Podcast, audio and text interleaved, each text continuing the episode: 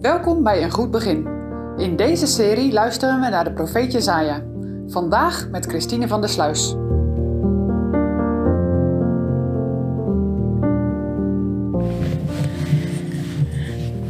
Gisteren lazen we over de komst van de Heer Jezus naar de aarde. Hij wordt in Jesaja 11 vergeleken met een twijgje, een scheutje uit een afgehouwen tronk. Dus in kleinheid en teerheid zal hij komen, maar zijn werk zal volmaakt, groots en heerlijk zijn. Dit staat in schril contrast met alles wat het leven je te bieden heeft. Het lijkt groot, sterk en stevig, maar het is als een pudding die bij de minste trilling in elkaar zakt. Geloof er niet in, maar wend je tot de Heer Jezus en word behouden. Vandaag wil ik Jesaja 12 met jullie lezen. En te dienzelfde dagen zult gij zeggen, ik dank u, Heere, dat gij toornig op mij geweest zijt, maar uw toorn is afgekeerd en gij troost mij. Ziet, God is mijn hel, ik zal vertrouwen en niet vrezen. Want de Heere Heere is mijn sterkte en mijn psalm, en hij is mij tot hel geworden. En gij lieden zult water scheppen met vreugde uit de fonteinen des hels.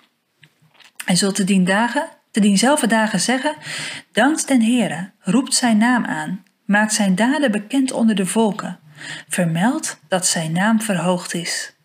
Psalm zingt den Heere, want hij heeft heerlijke dingen gedaan. Zulks zij bekend op de ganse aardbodem. Juich en zing vrolijk, gij inwoners van Sion, want de heilige Israëls is groot in het midden van u.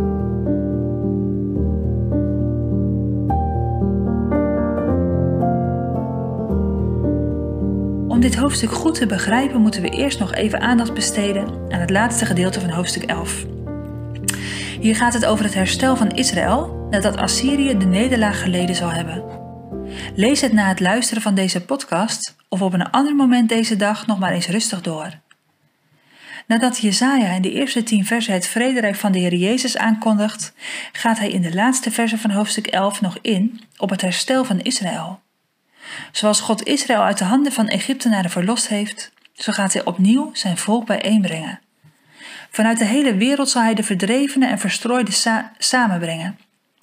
De vijandschap tussen het tweestammenrijk Juda en het tienstammenrijk Ephraim zal opgelost worden. En samen zullen ze veilig zijn voor hun vijanden en zelfs over hen heersen. Deze vereniging tussen Ephraim en Juda was eigenlijk een beeld, een vooraankondiging voor de samenvoeging van de Joden en de heidenen. Alles wat het evangelie kan hinderen, zal uit de weg geruimd worden. Moeilijkheden die onoverkomelijk leken, zullen wonderlijk genoeg voorbij zijn. En dan komen we bij Jesaja 12 en lezen we een danklied. Een danklied dat uitgejubeld zal gaan worden door het volk van Israël, maar wat ook door ons gezongen kan en mag worden.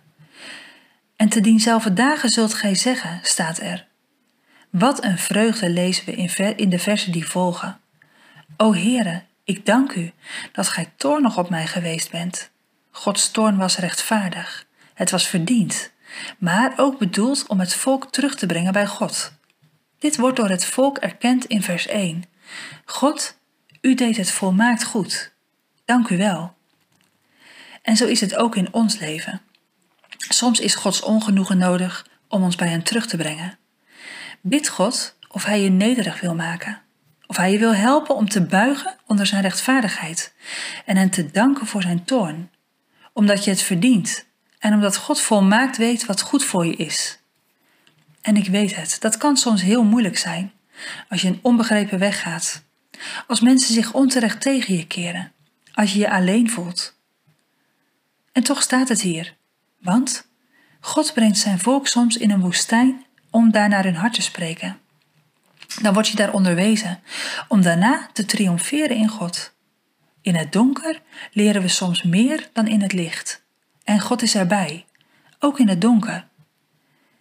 Zie, God is mijn hel, lezen we in vers 2. Niet alleen in wie ik gered werd, maar bij wie ik altijd veilig ben. Ik zal vertrouwen en niet bang zijn. Wat doet het met jou om deze ruime blijdschap in Gods woord te lezen en te overdenken? Geloof je dat het kan? Dat deze vreugde echt te vinden is? Nee, niet in jouw eigen kracht, niet in iets uit jezelf, maar wel in de Heer Jezus. Als je zijn kind bent, die aan Hem overgeeft in geloof, dan zul je water scheppen met vreugde uit de fonteinen des hels, lezen we in vers 3. Dan is Hij je troost. Dan vertrouw je op Hem alleen. Heb jij deze vreugde in Hem al gevonden? En dan volgen de versen 4 tot en met 6. Wat ga je dan doen als je die vreugde in Hem hebt gevonden? Dan ga je niet stil in een hoekje zitten.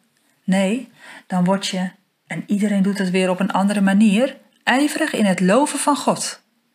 Dan ga je over Hem aan anderen vertellen. In vers 6 staat: Juicht en zingt vrolijk, gij inwoneres van Sion.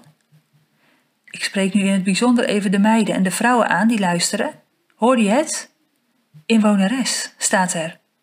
We kunnen misschien geen dominee, ouderling of evangelist worden, maar dit mogen wij wel en doe dat ook. Ruim en vol blijdschap vertellen over Hem.